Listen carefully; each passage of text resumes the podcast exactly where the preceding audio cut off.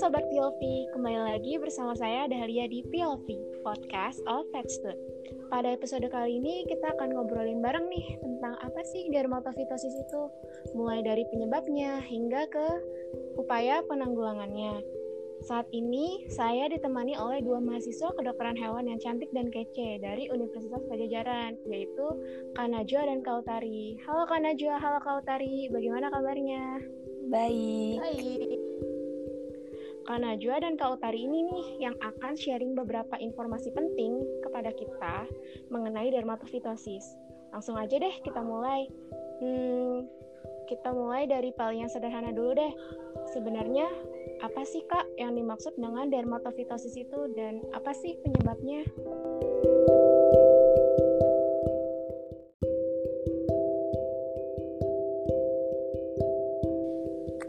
Jadi dermatofitosis ini sebenarnya bukan penyakit yang baru atau jarang didengar atau mungkin jarang ditemukan.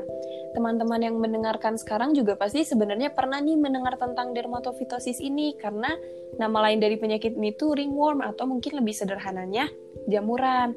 Ringworm sendiri ini sering dikira penyakit yang disebabkan oleh cacing karena namanya. Padahal ringworm ini merupakan penyakit yang disebabkan oleh infeksi jamur dermatofita. Jamur dermatofita sendiri memiliki sifat yang dapat merusak dan memakan keratin pada jaringan seperti permukaan kulit, rambut, dan kuku. Nah, jamur dermatofita ini tidak hanya terdiri dari satu jenis jamur saja. Ada jamur trichopiton, microsporum, dan epidermopiton. Ketiga jamur ini sama-sama dapat menyebabkan ringworm. Ringworm sendiri merupakan penyakit umum yang dapat menyerang manusia dan hewan, terutama itu hewan kesayangan seperti anjing dan kucing. Ternyata ringworm itu disebabkan oleh jamur ya, bukan cacing. Dan ternyata banyak juga ya jenisnya. Kalau di Indonesia ini gimana sih kejadian penyakit ringworm?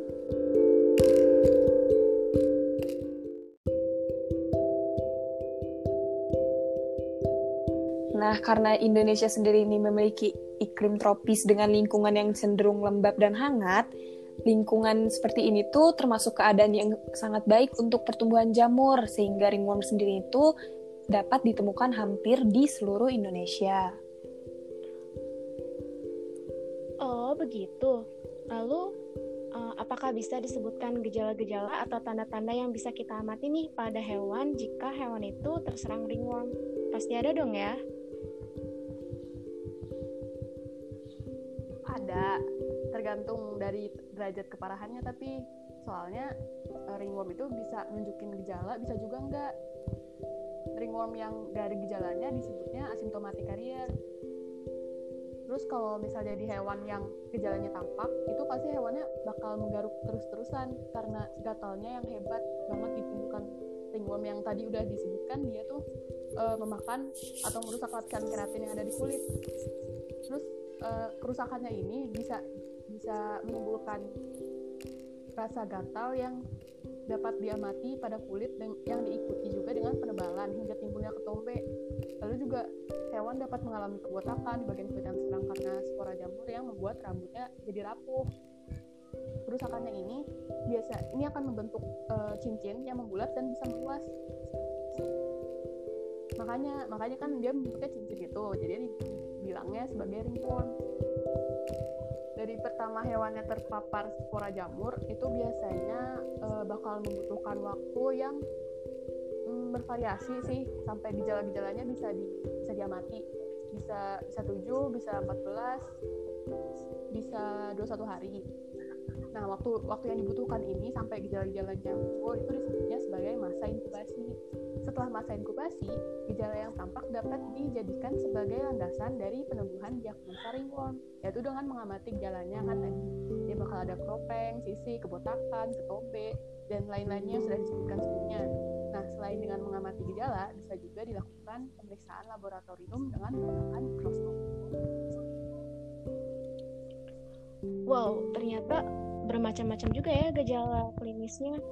Berarti emang butuh banyak pendekatan ya supaya bisa mengenali lebih lanjut mengenai hewan yang sakit atau tidak. Kalau untuk penularannya kira-kira bagaimana? Apakah penyakit ringworm ini dari hewan bisa menular ke manusia atau sebaliknya? ringworm ini merupakan penyakit menular baik sesama hewan maupun dari hewan ke manusia. Penularannya ini terjadi ketika kita itu berkontak langsung dengan penderita atau mungkin dengan benda yang terkontaminasi oleh jamur yang tadi sudah disebutkan di awal. Jamur dermatofita ini normalnya dapat menginfeksi rambut yang berada di dekat akar karena pada daerah itulah nutrisi-nutrisinya itu memiliki kandungan yang cukup tinggi dan dibutuhkan untuk dermatofit untuk tumbuh. Spora, spora, spora dari jamur ini tuh dapat bertahan di lingkungan yang mendukung hingga 12 sampai 20 bulan.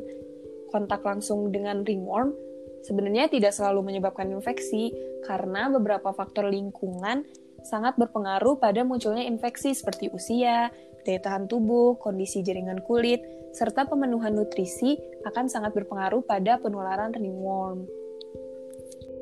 Nah,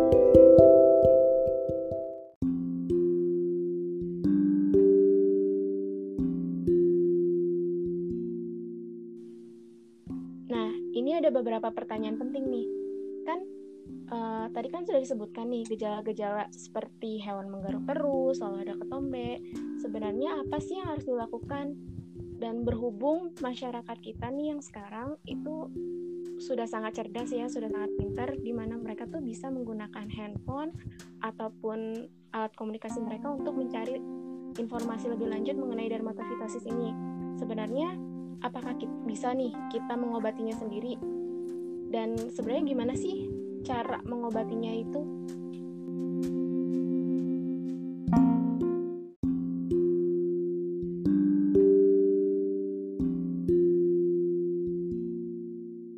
Sebaiknya segera dikonsultasikan ke dokter saja supaya pasti juga. Meskipun biasanya ringworm itu bisa sembuh dengan sendirinya, manifestasi gatal ini dapat uh, menyebabkan garukan yang dalam waktu tertentu dapat memunculkan luka terbuka dan infeksi bakteri. Rasa gatal yang timbul juga pasti akan membuat hewan jadi tidak nyaman untuk tidur, makan, sehingga untuk keadaan tubuh yang lainnya dapat semakin terganggu. Untuk pengobatan pada kucing dan anjing bisa dengan pemberian oral treatment, topikal, injeksi, dan perbaikan nutrisi.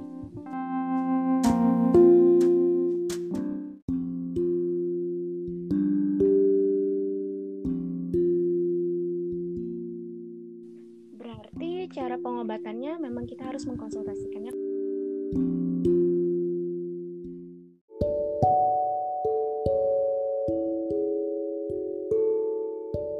dokter hewan nih guys nggak bisa nih kita kayak cuman searching di Google terus kita ngobatin sendiri. Hmm, ada pertanyaan lagi nih. Kalau cara untuk mencegahnya bagaimana? Berhubung tadi kan udah disebutkan nih Indonesia tuh negara yang memiliki kelembaban yang tinggi kira-kira gimana nih cara penye cara pencegahannya? Baik pada manusia ataupun hewan? Cara umum,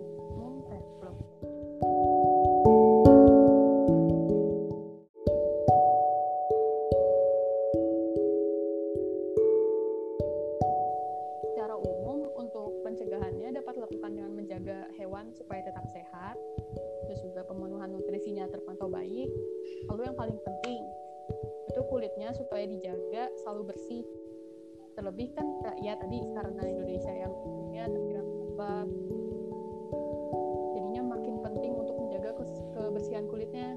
Terus juga selain mencegah secara langsung pada hewannya, penting tuh untuk selalu memastikan peralatan yang digunakan untuk uh, melakukan perawatan atau benda apa pun yang berkontak langsung dengan hewan itu selalu digunakan dalam keadaan yang bersih, sikat, tempat makan, tempat tidur. Apalagi jika hewan memang sudah dalam keadaan terinfeksi.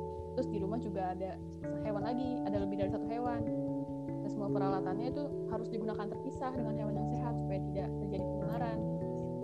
Intinya yang penting itu untuk selalu menjaga kebersihan sebisa mungkin, baik kebersihan hewan, lingkungan, terus juga pemilik hewannya sendiri. Berhubung ringworm itu kan zoonosis, tadi juga sudah disinggung.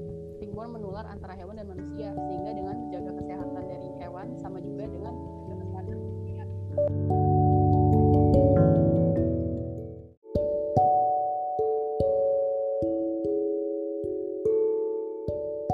Mencegah lebih baik daripada mengobati berarti itu benar banget ya dan untuk dermatofitosis ini cara pencegahannya yaitu selalu menjaga kebersihan benar ya Kanajo dan banget. Kautari